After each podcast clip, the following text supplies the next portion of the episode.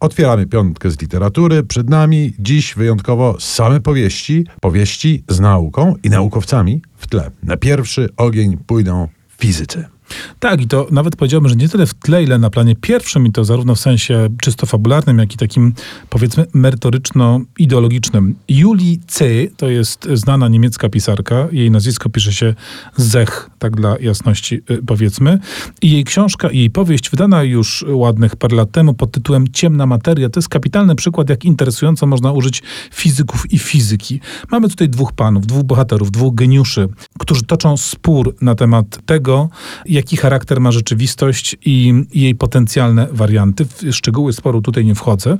On jest rzeczywiście fascynujący i nakreślony bardzo wyraźnie na kartach tej powieści. I jeden z tych fizyków staje wobec dramatycznej sytuacji życiowej. Jego syn zostaje uprowadzony, a on otrzymuje telefoniczne zadanie. Zadanie, które polega na wyeliminowaniu pewnego człowieka.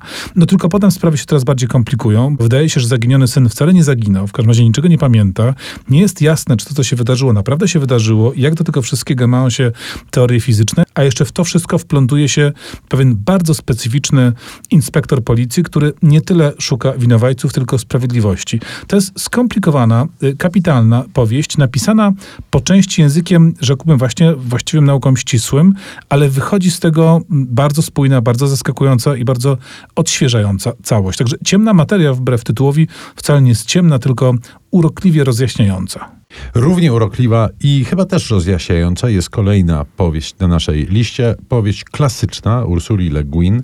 Książka pod tytułem Wydziedziczeni, bardzo ceniona innymi przez Stanisława Lema. I to jest książka, która opowiada e, losy dwóch społeczeństw i jednego, przede wszystkim jednego fizyka, który nazywa się Szewek i jest bardzo sympatycznym fizykiem. Przed wydarzeniami opisywanymi w książce doszło do rewolucji i anarchistyczny ruch Odo wyzwolił się z urraskich.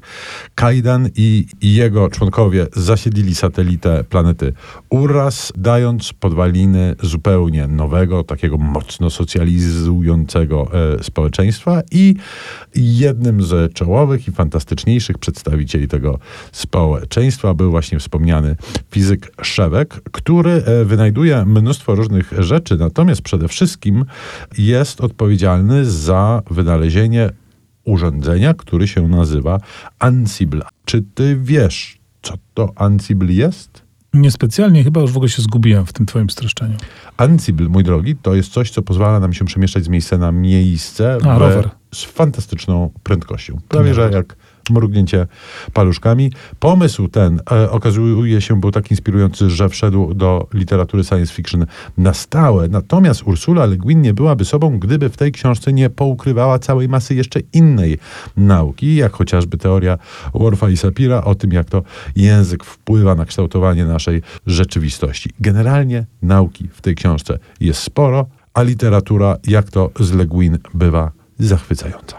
A teraz zaczerpniemy nieco powietrza i w nawiązaniu do e, niemieckiej pisarki Julii C. posłuchajmy niemieckiej wokalistki Ute Lemper, która zaśpiewa kompozycję Nika Cave'a Little Water Song.